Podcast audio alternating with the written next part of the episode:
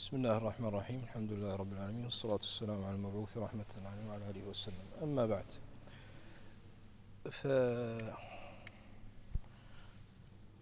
فالكتب التي يعني من الممكن أن يصحبها الطالب أو يصطحبها في دراسة الألفية كثيرة وكثيرة جدا. آه، أرشح مبدئيا يعني الكتب كثيرة جدا ولكني أرشح مبدئيا القواعد الأساسية للغة العربية. لأحمد الهاشمي. يعني نوعا ما فيه يعني من التلخيص والفوائد ما ليس في غيره مع حسن البيان والرصف. يعني جيد. جيد يعني أرشحه يعني مبدئيا بالنسبة لأن الطلاب يسألون ماذا يعني يعني نصطحب من الكتب أو كذا. هذا جيد قواعد الأساسية. إن كان ولا بد أيضا تدريبات لغوية ونحوية لعبد العال سالم مكرم رحمه الله تعالى. المهم آه، نشرع طبعا آه، فقال الإمام ابن مالك رحمه الله تعالى كلامنا لفظ مفيد كاستقم اسم وفعل ثم حرف الكلم. كلامنا هنا يقول الإمام كلامنا لا يقصد تعظيم نفسه إنما يقصد التعبير عمن هو يعبر بلسانهم وعلمهم الذين هم النحويون أي كلام النحويين. ما هو كلام النحويين؟ كلامنا لفظ مفيد. كلامنا لفظ مفيد. لفظ مفيد. هذا هو كلام النحويين كيف نفهم الكلام النحوي؟ لأن كما قلنا نحن نريد أن نتعرف على المادة المستعملة في اللغة التي سنستعملها في يعني كلامنا في كتابتنا التي هي اللغة العربية. ما الذي يحكمها؟ ما الذي يحكمها في بنائها الداخلي الذي هو الصرف وفي بنائها الخارجي حين ترصف الكلمات بعضها مع بعض. وما الذي يجري عليها من التغير في الأصوات التي في آخرها؟ ولا تقل التغير الذي يلحق آخرها فإنه لا يلحق آخرها. تغير الإعراب ليس تغير لآخر الكلمات إنما هو تغير في الصوت الذي يكون لأن اللغة هذه اللغة المصطفى لتكون لغة الوحي فيها أصوات تحكمها فحتى نعرف بنية هذه اللغة. فقبل أن نتعرف على أحكامها حين نقرن بين الكلمة والكلمة فنحتاج أن نعرف المادة الخام التي تتكون منها وصفاتها. فهذا الأمر. فالكلام النحوي هو لفظ مفيد. إذا قلت لفظ أي ما يتلفظ به. فخرج إذن عن حد الكلام النحوي الكلام في اللغة لأن الكلام في اللغة كل ما أفاد فائدة. الإشارة كلام الكتابة كلام العقد بالإصبع كلام. فكل هذا خرج بقولك لفظ. لكن هذا اللفظ هذا اللفظ متى يكون يتم له وصف الكلام النحوي؟ إذا صار مفيدا. ومتى يكون الكلام مفيدا؟ يكون الكلام مفيدا إذا لم يبقى الذهن منتظرا لشيء أي أن المعنى قد تم. إذا تم المعنى الكلام ولم يبقى الذهن مترقبا لشيء يقال فهنا قد تمت أركان الجملة العربية. إذن كلامنا لفظ مفيد. هذا هو تعريف الإمام مالك ابن مالك بهاتين اللفظتين عرف الكلام النحوي كله. كلامنا لفظ مفيد. ثم أتاك بمثال.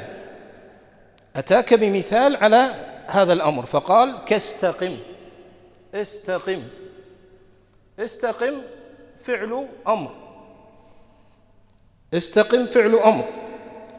استقم تقديره استقم أنت. فنبهك رحمه الله على أن ما يدخل في اللفظ ما يكون ملفوظا لفظا وما هو ملفوظا حكما. بمعنى أن هنا استقم أنت. أين أنت؟ موجودة؟ لا ليست موجودة. إذا هي ضمير.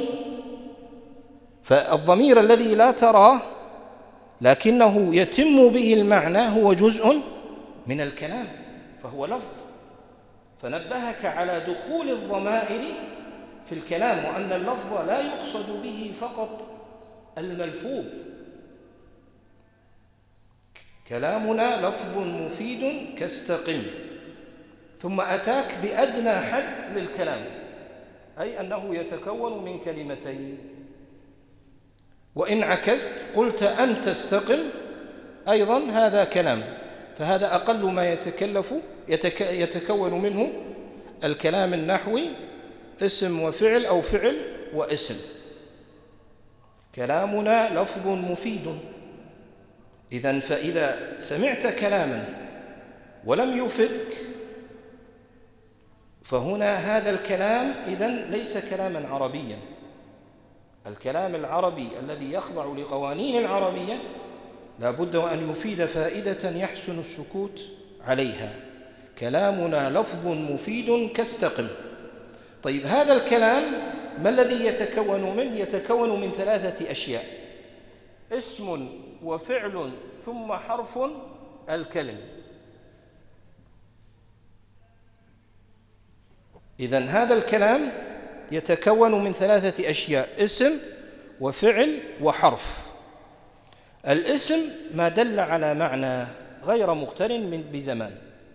الذي يدل على معنى غير مقترن بزمان فهذا الاسم. ما دل على معنى مقترنا بزمان وما دل على حدث مقترن بزمان فذلك الفعل. ما يكون ليس اسما ولا فعلا إنما لا يتم معناه لأن كما سبق قلنا أن مقصودنا بالحروف هنا ماذا؟ حروف المعاني. وليس الحروف ما يعرف بالهجائية أو الحروف التي قد يسميها بعضهم بالأبجدية. لا إحنا مو نتكلم عن الحروف هذه. نحن نتكلم عن الحروف المعاني التي تتكون منها اللغة. فحروف المعاني هذه ما ليست بفعل وما ليست باسم فهنا هذا حرف. إذا اسم وفعل ثم حرف الكلم. أي كلم هنا؟ الكلام النحوي الذي سبق ذكره وعموم الكلام في الحقيقة. كلامنا لفظ مفيد كاستقم اسم وفعل ثم حرف الكلم واحدة كلمة والقول عم. وكلمة بها كلام قد يؤم. إذن واحد الكلام النحوي هو الكلمة فالكلمة هي قول مفرد أو لفظ مفرد دال على معنى. كلمة قال رحمه الله تعالى والقول كلمة والقول قال رحمه الله واحدة كلمة والقول عم. فتبين أن واحد الكلام النحوي كلمة فالكلمة تصدق على الاسم تصدق على الفعل تصدق على الحرف. ثم إذا خرج معنا الكلام في اللغة. هذا خرج معنا الإشارة ونحوها وبقي معنا الكلام النحوي. الكلام النحوي يتكون ماذا؟ من الكلمات التي هي الكلمة المفردة الدالة على المعنى سواء كانت اسم أو فعل أو حرف. فهذه هي الكلمة. فماذا بقي؟ بقي معنا الكلم. الكلم. فالكلم ما تكون من ثلاثة كلمات سواء أفاد وأكثر سواء أفاد أو لم يفد. سواء أفاد أو لم يفد إذا تكون الكلام من ثلاث كلمات فأكثر ولم فهنا يكون كلما. مثل قولك إن قام زيد فهذا كلم لكنه كلام نحوي لا ليس كلاما نحويا. لماذا؟ لأنه غير مفيد. إذن فخرج بذلك الكلم وتبين لنا معناه. ثم قال رحمه الله والقول أي لفظة القول لأن عندك كلمة كلام كلم والقول. فالقول ماذا يريد يراد به؟ عمة أي عم كل المذكورات. يعني عم الكلم وعم الكلمة وعم الكلام. فكل ذلك يطلق عليه قولا. ثم قال رحمه الله تعالى وكلمة بها كلام قد يؤم أي يقصد. أي أن من الإطلاقات أن يطلق لفظ الكلمة هذا ويراد بها جملة كاملة. كلاما متكاملا يطلق ويراد به يطلق لفظ كلمة في الدلالة عليه. هنا قد يقول قائل لماذا؟ يعني نبه ابن مالك رحمه الله تعالى على يعني هذا الأمر. يعني لماذا نبه؟ قال وكلمة بها كلام قد يؤم. لماذا قال ذلك رحمه الله؟ قال ذلك احتراما لكتاب الله ولسنة رسول الله صلى الله عليه وسلم. قال ذلك احتراما واحتفاء وتعظيما لكلام الله وكلام الرسول صلى الله عليه وسلم لأن الكلمة تأتي في القرآن ويراد بها الكلام. كلا قال الله عز وجل كلا إنها كلمة هو قائلها. وقال صلى الله عليه وسلم أصدق كلمة قالها شاعر كلمة لبيد ألا كل شيء ما خلا الله باطل. فجاء التعبير في القرآن والتعبير في السنة عن الكلمة بمعنى الكلام المتكامل. فناسب احتراما للقرآن أن يرشد إلى هذا المعنى حتى يذكرنا بما سبق ذكره من أنك لن تستطيع أن تنتفع بالعربية انتفاعا حقيقيا إلا إذا قرنتها بدين الإسلام. إذا قرنت العربية بدين الإسلام فأنت ستنتفع فائدة مضاعفة من الأجر ولا يعني هذا أنه لا يجوز لك أن تدرس العربية إلا بغرض التفقه. لا قد يجوز أن يدرس الإنسان العربية لحبها فهذا من الأمور المباحة. هذا ليس بحرام بل قد يخدم العربية من ليس مسلما وهذا كثير. فكثير مثلا من يعني النصارى في هذا الزمن خاصة قبل مئة سنة ونحوها خدموا يعني كثير من الكتب العربية وعلوم العربية. لكن مقصودي حتى تذلل صعابها أيضا فإذا تدينت بتعلمها سائلا الله عز وجل أن يمنحك تيسيرها حتى تفهم عنه عن رسوله صلى الله عليه وسلم كان ذلك زيادة باعث يعينك على يعني أن تتعلمها. لا تجعل همك من دراسة العربية ألا تلحن في الكلام. هذه نصيحتي والناس فيما يعشقون مذاهب يعني كل إنسان من حقه في الأمور الغير شرعية أن يبدي يعني ما يراه من رأي. فأنا أقول لا تجعل همك كهم الكثيرين في هذا الزمن إنما يتعلمون العربية من أجل أن لا يلحق لسانه لحن سواء كان في الكلام أو في الكتابة. ولا شك أن هذا من مقصود دراسة العربية. والمرء تكرمه إذا لم يلحن. والنحو يقيم من لسان الألكن. والمرء تكرمه إذا لم يلحن. لكن ثق تماما أنك مهما نبغت في العربية وأفنيت نفسك فيها فبما أنها لغة لم تتلقها مع حليب أمك فإنها لن تكون لك ملكة وسليقة تامة. فلا بد ولذلك يعرف اللحن في كلام كثير يعني من أهل العلم. أحيانا ولذلك قال الإمام النسائي رحمه الله تعالى لا يعاب على أهل الحديث اللحن. فلا تجعل همك أن تتزيى بزي العلم فلا يحصل منك لحن لا لا تنظر إلى الناس وأنت تطلب العلم. هذا مهم جدا في طلب العلم. يعني لا تنظر أنك تتكلم العربية بحيث أنهم لا يعثرون منك على لحن لأن من يريد أن يركز النظر عليك وعلى لسانك فلا بد وأنه سيجد شيئا. ثم كان ماذا؟ ثم كان ماذا؟ لكن اجعل ولذلك قال القائل وما أحسن ما قال؟ ولست بنحوي يلوك لسانه لكن سليقي أقول فأعرب. فالذي يقول فيعرب ولا يلحقه لحن من يقول العربية سليقة. لا اجعل همك في العربية أن تتفهمها حتى تفهم كلام الله. وكلام رسول الله صلى الله عليه وسلم. ثم تحقق في أثناء ذلك بعض المقصودات الصالحة من عدم اللحن ومن معرفة الإعراب. فقال رحمه الله تعالى وكلمة بها كلام قد يؤم.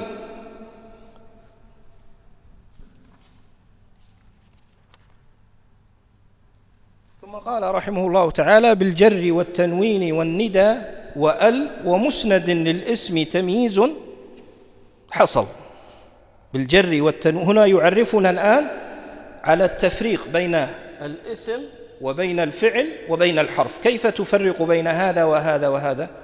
ما زلنا مع المادة الخام. نعرفها ونتعرف على صفاتها. فكيف تعرف الاسم من غيره؟ قال لك بالجر. وقوله بالجر رحمه الله أدق وأحكم من قول غيره بحروف الجر. لماذا؟ لأن الجر يدخل فيه المجرور بحروف الجر والمجرور بالإضافة والمجرور بالتبعية فيدخل فيه كل أنواع المخفوضات مما يختص بمعرفة الاسم أو يختص بالاسم. كقولك مررت بغلام زيد الفاضل. مررت بغلام هنا دخل حرف الجر باء على غلام فخفض خفضه. زيد مضاف إليه مضاف إليه. الفاضل نعت لزيد وصفة. فإذا قوله بالجر دقيق يكشف لك الاسم. والتنوين وحسبنا من التنوين أنه ما يلحق الأسماء المعربة ما يلحق الأسماء المعربة من نون تسمع لفظا ولا تكتب خطا ويستعاض عنها بالحركة. زيد زيدا بزيد هكذا. فهذه التنوين من علامات الاسم التي يعرف بها الاسم. بالجر والتنوين والندى. ما معنى الندى؟ أي أنه يقبل أن ينادى. يقبل أن ينادى. فقابليته لأن ينادى يدل على اسميته. لماذا؟ لأنه لا ينادى إلا الاسم فالاسم في الجملة العربية هو الملك. الاسم في الجملة العربية هو الملك. المتصرف في الجملة كل الجملة خادمة للاسم. ينبغي أن تفهم الاسم هكذا. الاسم أشرف ما في الجملة العربية فهو المسيطر على الجملة. كل الجملة تخدم ماذا؟ تخدم الاسم والأسماء. بالتنوين والندى أي قابليته لأن ينادى. وأل عبر رحمه الله بأل اتباعا لسلفه من أهل العلم كسيبويا وغيره في الكتاب فإنهم عبروا بأل ولم يعبروا بالألف واللام. وهذا يدلك على اتباع الإمام ابن مالك رحمه الله للأئمة من قبله. بالندى وأل أي قابلية الاسم أن تدخل عليه الألف واللام فتؤثر فيه التعريف. قابلية الاسم أن تدخله الألف واللام فتفيد ماذا؟ التعريف. أما إذا دخلت الألف واللام على كلمة ولم تفد تعريفا كقوله فما أنت بالحكم أل ترضى خصومته فيك الخصام وأنت الخصم والحكم. فأل ترضى هنا ما فادت شيئا فعل ترضى. فإذا الألف واللام التي تدخل على الاسم فتفيد تعريفا سواء كان هذا التع... بحسب هذا التعريف وسيأتي بحث في الخاص يعني في المعرفة. ثم قال ومسند للاسم تمييز حصل. ومسند للاسم تمييز حصل. هذه العلامة من علامات الاسم هي أهم علامة. هذه العلامة أهم علامة. اشغل نفسك بهذه العلامة. افهمها. لأني كما قلت يعني في الدرس السابق تحتاج حتى تلين معك الأمور ثلاثة أشياء. قلت قضية البغبغاء أي أن تتعب نفسك في الحفظ ولا تكد نفسك في حال حفظك أن تربط بين الحفظ والمعنى. فإن هذا سيرهق يعني كاهلك لا سيما إذا لم تكن متمرسا. يعني الآن الأطفال في الكتاتيب يحفظون يحفظون يحفظون ثم يسردون حافظين ما لا يعقلون معنى. وهذه الطريقة من أحسن الأشياء في العلوم العلوم الشرعية. فلا بد من قدر من الحفظ. لا بد من قدر من الحفظ. فإذا ينبغي أن تحفظ. هذا عملية تقوم فيها منفردة. تحفظ. ثم الأمر الثاني كما قلت أن تتفهم تتفهم المعاني وهذا أهم شيء عندي فهم المعاني لأن هذا الذي سيجعلك تتذوق وتفهم اللغة وبناءها وشأنها هذا الذي سيجعلك تنتفع بها. فتفهم المعاني. الأمر الثالث أنك تطبق والتطبيق التطبيق معناه عندي يعني التطبيق أنك حين تمر عليك جملة يعني حاول حاول أنك تتعرف أين الاسم أين الفعل أين الحرف ما هي العلاقة هنا؟ فهنا رحمه الله قال ومسند للاسم تمييز حصل. فما هو الإسناد؟ مسند للاسم. أبينه لك بأن يكون المحور الذي تخدمه الجملة هو ماذا؟ هو الاسم. فهو الذي يدور حوله الحديث. هو محور الحديث هو الموصوف هو الذي هو هو الأصل الذي يسند إليه الفعل. من الذي قام بالفعل؟ من الذي وقع عليه الفعل؟ من الذي كذا؟ هو الاسم. فهو أشرف ما في الجملة. فهذا هو الاسم. أما الحرف فإنه يربط بين أطراف الجملة ويضمن فيه المعاني. أما الفعل فهو يدخل على الاسم من أجل ماذا؟ من أجل أن يفيد حركة ويفيد زمانا. أما الاسم فهو الأصل الذي تبنى عليه الذي يبنى عليه الكلام. نكتفي بهذا القدر والله أعلم. صلى الله وسلم على محمد وعلى آله وسلم